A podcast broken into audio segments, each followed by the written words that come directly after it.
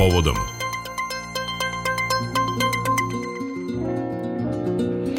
U 10 sati i 11 minuta otvaramo našu rubriku Povodom u kojoj govorimo da je Institut za javno zdravlje Srbije dr. Milan Jovanović Batut izvestio o padu stope imunizacije za sve vakcine za decu u Srbiji za 2020. i 2021. godinu.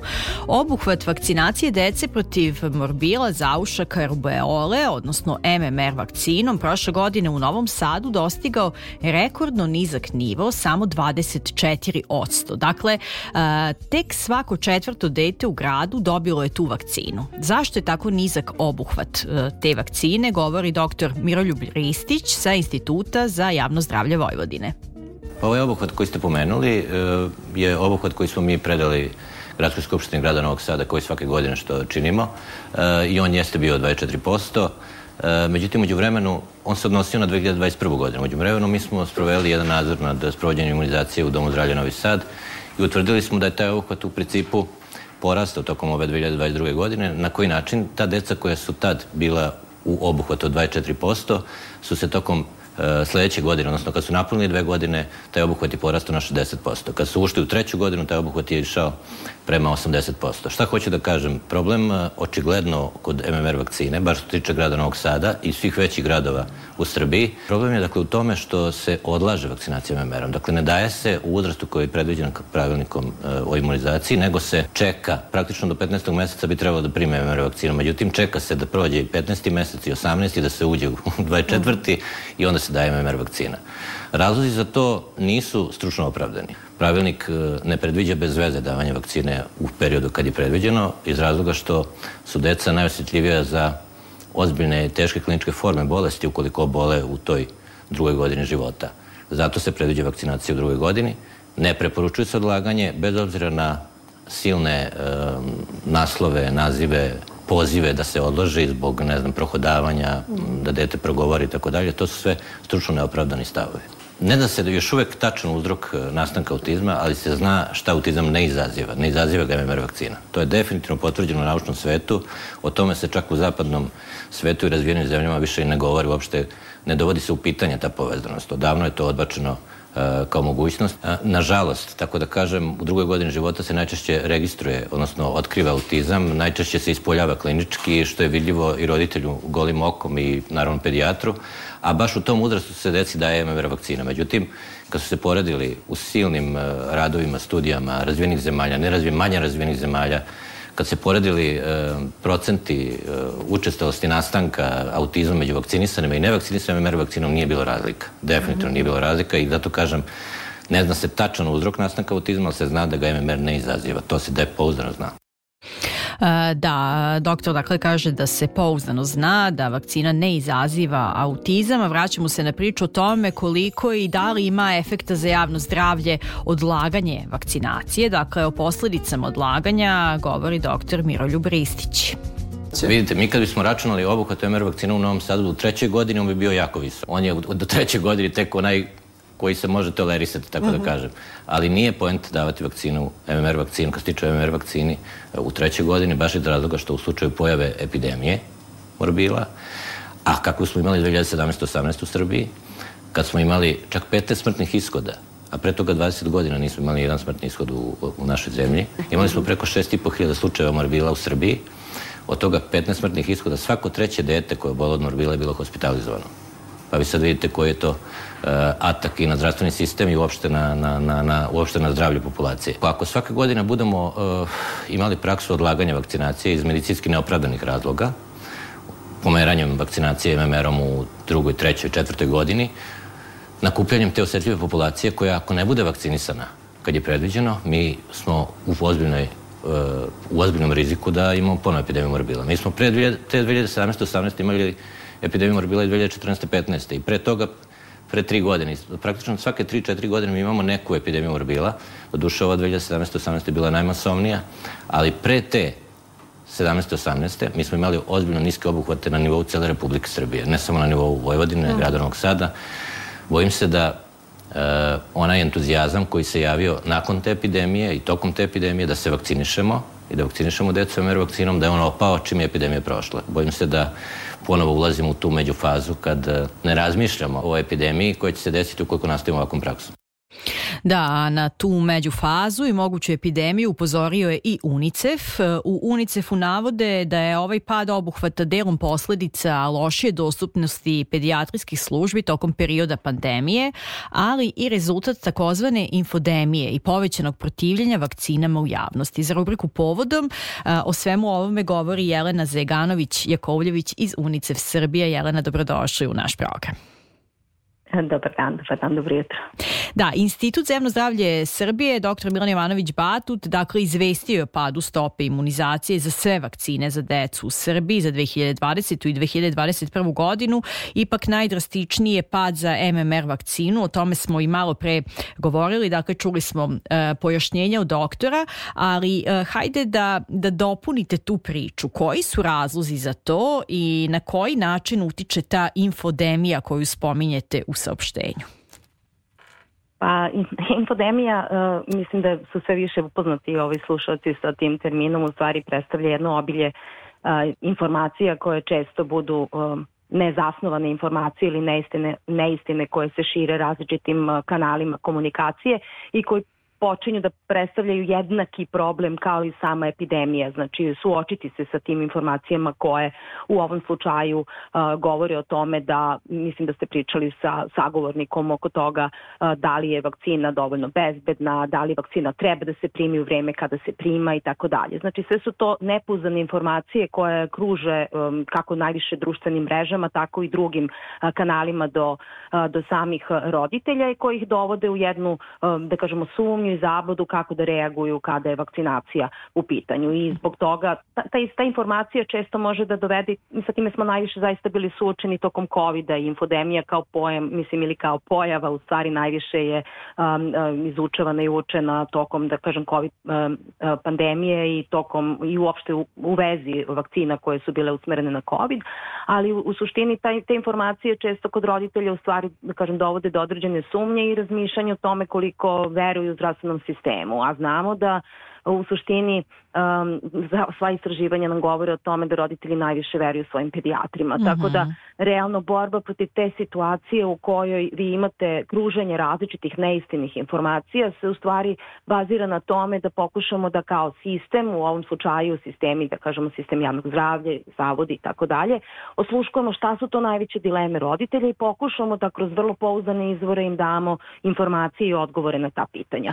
Za naše roditelje još uvek rekli bi i istraživanje pokazuju, to su znači pedijatri, pedijatri treba da budu zaista um, osposobljeni i ovi znalački um, usmereni da daju prave informacije roditeljima oko toga zašto je važno u ovom slučaju, pričamo o MMR vakcini, da je dobiju ovako rano, zašto je ona zaista neophodna, zašto nam, um, kao što je rekao doktor pre mene, zašto nam nisu tako daleke te epidemije i zašto su one vrlo izvesne u ovom sada, uh, sada periodu.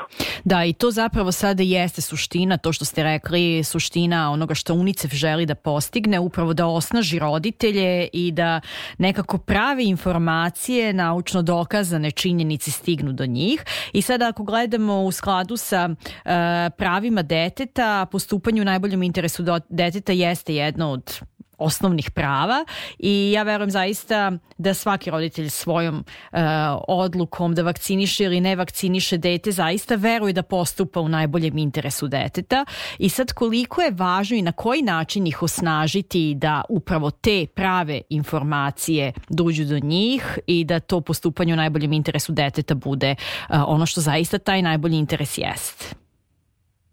Pa mislim da roditelji, kao što ste rekli, svakako e, treba da znaju da je pravo svakog deteta i da država u stvari osigurava pravo svakog deteta na taj način što čini zdravstveni sistem i dostupnim i kvalitetnim i bezbednim za svako dete da očuva zdravlje. U ovom slučaju država ima jednu veliku odgovornost da obezbedi vakcine za dete, da one budu dostupne i vi ste pomenuli na samom početku, mi jesmo bili u situaciji kada je zdravstveni sistem imao i mnogo dilema oko toga na koji način da održi ovaj, obaveznu vakcinaciju dece i u vreme COVID pandemije, tako da smo i tada pokušali i, i dali dovoljno informacija i pedijatrima i roditeljima zašto je važno da se proces vakcinacije nastavi, zašto je, zašto je važno da svako dete bude bezbedno i protiv svih drugih zaraznih bolesti, a ne samo kao što smo možda u to vreme mislili najviše um, o COVID-u. Um, takođe, važno je da zdravstveni sistem uh, sada u ovoj situaciji kada imamo ovako, da kažemo, pad obuhvata, koji još uvek, da kažem, na nacionalnom nivou govori o tome da je uh, veći deo roditelja um, vakcinisao svoju decu, uh, ali da onaj deo koji nije vakcinisao svoju decu da pronađe dobre načine da im pruži i da im pruži mogućnost da vakcinišu svoju decu. Znači to je s jedne strane usmerenje i na zdravstveni sistem da nađe onakvu vrstu organizacije, znači u to, koja odgovara roditeljima da dovedu svoju decu ili kada je situacija drugačija, kada imate određene sredine gde je zaista nizak obuhvat vakcinacije može da se obavi i na terenu. Znači, mislimo da je sada zaista fleksibilnost zdravstvenog sistema, da organizuje svoj sistem onako da odgovori na potrebe roditelja i na mogućnosti roditelja da vakcinišu svoju decu zaista neophodno. Da li će se raditi popodne, da li će se otvarati subotom i nedeljom određeni punktovi, da li će se ovaj da li i naravno da ima sve informacije za roditelje. Jer roditelj svoju brigu zadovoljava i rešava time što od, iz, kako da kažemo, pouzdanih izvora dobije prave informacije. Mislimo takođe da je važno da roditelji nekako budu usmereni na određene kanale komunikacije ili na određene, da kažemo, sajtove, informacije koje su uh, pouzdane. Ajde sad da mi kad govorimo o međunarodnim, sigurno ćemo se sigurno osvrnuti na Svetsku zdravstvenu organizaciju, na UNICEF, na um, CDC ili na, na Evropsku um, i na evropski CDC, tako da, ali imamo informacije koje su sve više dostupne i na sajtovima naših zavoda za javno zdravlje, gde imate pitanja i odgovore na sve moguće dileme koje su, da kažem, pronađene u, u, u populaciji roditelja. Uh, to je jedna od veoma važnih, važnih segmenta. Takođe ono što e, je važno jeste e, doći do svih onih izvora informacija i uticaja koji roditelji, koji roditelji, e, kojim roditeljima daju jedno pouzdanje da, da rade i da čine dobro u interesu svog deteta, jer oni će se okrenuti ka, da kažemo, okruženju ko, u koje imaju najviše poverenja. Mm -hmm. Pored zdravstvenih radnika za mnoge roditelje to su različiti drugi krugovi koji između ostalog recimo mogu biti i oni koji su vezani i za i za, i za veru i za različite, kako da kažem, poznate javne, javne ličnosti, tako da treba raditi na, u svakom smislu na povećanju informa, informisanja svih u društvu oko toga koliko je, koliko je zaista važno pristupiti i uraditi, odnosno vakcinisani, vakcinisati svoje dete u vreme kada je to predviđeno. Jer da, zapravo odlaganje, dolazimo do da. toga da. da je i zadatak i odgovornost nekako na celom sistemu i imunizacija je jedan od ključnih prioriteta programa saradnje između UNICEF-a i vlade Republike Srbije za period od 2021. do 2025. godine. E, dakle, e, koliko zaista jeste upravo to što ste delom spomenuli u prethodnom odgovoru i koliko jeste važna aktivnost svih aktera da bi se izbegla epidemija? Pa svakako jeste, zato što uh, uh, upravo ovaj, bilo koje dileme koje roditelj ima u, u pogledu uh, imunizacije mogu se razbiti od strane svih koji okružuju dete. Ja nisam pomenula, ali recimo obrazovni sistem, preškolske mm -hmm. ustanove, vaspitači takođe jesu jako važni akteri. S jedne strane naš zakon upozorava radi zaštite javnog zdravlja da deca trebaju da budu vakcinisana pre nego što ulaze u preškolske ustanove, tako da i preškolske ustanove imaju svoju odgovornost da informišu i da postaknu i da, upo, da m, e, podsete roditelje da treba da e, vakcinišu svoju decu. A, vrlo je važno da se, um, da se sagledaju problemi same svake lokalne zajednice. Svaka lokalna zajednica ima neke svoje speci, specifičnosti, ali takođe ima i vrlo važne aktere koji mogu da odigraju ulogu u promociji vakcinacije, obezbeđivanju uslova za svakog roditelja da e, dovede i vakciniše svoje dete. Pored tog da kažemo redovnog um, proveravanja i sagledavanja unutar zdravstvenog sistema ko je vakcinisan, ako nije, može se znači na pravi način u lokalnoj zajednici napraviti vrlo jasni planovi u saradnji sa onima koji dosežu roditelje, gde su u stvari roditelji kojima treba najveća podrška, bilo da oni, da kažem, jesu okupljeni oko određenih vrtičkih zajednica ili jesu u romskom naselju ili jesu u nekom, nekoj drugoj sredini, kako, kako doći do njih i kako ih bolje informisati i organizovati službu da mogu da dobiju da mogu da dobiju pravovremenu uslugu koja je zaista neophodna za svako dete. Jer pričali ste o tome kada govorimo o morbilima ono što je vrlo značajno za morbile jeste da je to zaista jedna vrlo um, zarazna bolest da kada imate pojavu morbila u jednoj populaciji koja nije vakcinisana ili koja nije uh, zaštićena na ovaj on, vi ćete imati 9 od 10 uh, ljudi koji će dobiti tu infekciju tako da ne smemo čekati te trenutke kada to eventualno može da nam se desi a imamo već i sada u, um, u negde u okruženju gde se pojavljuju mislim evo sad od zemalja kojima radi UNICEF-u a ovaj, pojavljuju se već u nekim zemljama morbili, tako da treba da imamo svest o tome da, da to nije nešto što kako da kažem, što je jako daleko, već da učinimo najbolje za, uh, za svoje dete, ali i za svu ostalu decu, da dođemo do onog nivoa obuhvata od 95% i preko kada ćemo u stvari sprečiti da postoje um, nevakcinisane ili nezaštićene osobe koje će virusu dati mogućnost da živi i da se širi i da ugrozi one koji nažalost neće moći da se vakcinišu zbog svog imunog statusa ili nekih drugih pitanja koji dovode u takvu situaciju. Da, reč je o javnom zdravlju, dakle ne tiče se samo naše porodice, našeg deteta, već je to reč nekako je mnogo e, šira priča. I samo bih voljela još e, komentar vaš, spomenuli ste e, obrazovne ustanove, prečkolske ustanove, škole i čak postoji dakle prema zakonu da deca neće biti upisana u vrtić ukoliko nisu vakcinisana, da je taj kalendar vakcinacije obavezan kako to ipak izgleda u praksi, da li se na taj način kontroliše, sprovodi i šta bi se eventualno tu moglo promeniti? Uh mhm. -huh. Pa, znate kako, radići ovaj, sa mnogim opštinama u, u Srbiji, videli smo neka različite iskustva. A, zaista mi moramo da postavimo i pravo na obrazovanje kao jedno od osnovnih mm -hmm. prava svakog deteta i da omogućimo da se to pravo i realizuje. Međutim, zaista u, u zaštiti uh, zdravlja sve dece mora se voditi računa o tome da sva deca zaista budu vakcinisane i da, da smanjimo maksimalno rizik bilo kakvog širenja zaraze unutar samih uh, kolektiva u ovom slučaju slučaju naravno škola i vrtića.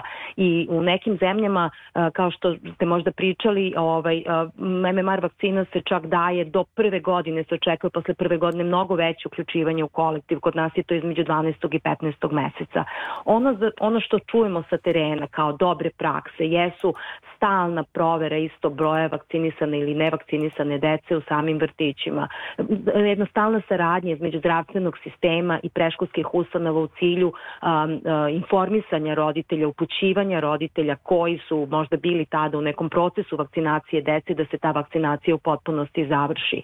Da uh, razgovori sa roditeljima koji eventualno nisu vakcinisali svoju decu, znači u takvim vrtićima vi imate obuhvat jako, jako visok um, svim vakcinama, eventualno jednog do dva roditelja, odnosno dvo, jedno do dvoje dece koji nisu vakcinisani iz različitih razloga, dok u nekim drugim situacijama kada ta saradnja nije uspostavljena, kada roditelji nisu pravovremeno informisali o svojoj i da kažemo i obavozi i odgovornosti prema i svom detetu i prema svoj deci u tom vrtiću, onda dođete u situaciju da obuhvat i nije adekvatan. Tada je teže vratiti se na sam početak, ali nije nemoguće, odnosno vratiti se na onaj potpuni obuhvat, ali nije nemoguće jer kada roditelji od svih koji su oko njih čuju zbog čega je to mhm. važno, zbog čega rizik nije nešto o čemu pričamo samo imaginarno, nego je i zaista tu i moguće zbog čega je ta vakcina dobra i važna za decu da se učini i da se desi u periodu kada je to, kada je to neophodno, zbog čega su i svi drugi roditelji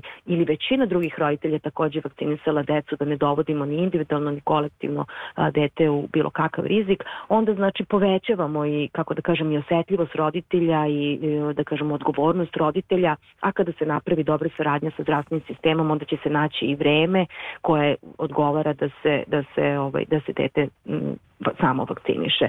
Jer mi zaista sa ovim velikim, um, kako da kažem, um, džepom u vakcinaciji ili propustom vakcinacije koji se desio tokom covid ili jednog povećanog broja dece koje nisu vakcinisane, verujemo da je opterećenje na zdravstveni sistem isto izuzetno i da to onda zahteva i zdravstveni sistem da se negde bolje organizuje da bi omogućio da, da svako ko razmišlja i ko je krenuo da vakciniše svoje dete zaista i može da ga vakciniše u zdravstvenom sistemu, da nema dodatnog nepotrebnog odlaganja i da možemo da ovaj, svaki dan budemo brži tom ovaj bliži cilju koji mm -hmm. hoćemo da postignemo. Da, i vratili smo sada priču na početak, odnosno sa onim sa čime smo počeli o tim pravim informacijama, izbegavanja dezinformacija, tako da eto može biti to poruka za naše slušalci i slušateljke, informišite se iz pravih izvora, razgovarajte sa lekarima na ovu temu kako bismo ipak sprečili neku veću štetu. Hvala vam a, mnogo na ovom razgovoru. Hvala, hvala i vama. Jelena Zajeganović Jakovljević iz UNICEF-a Srbija govorila za prepodnevni program Radio Novog Sada. Ostanite i dalje na istoj frekvenciji.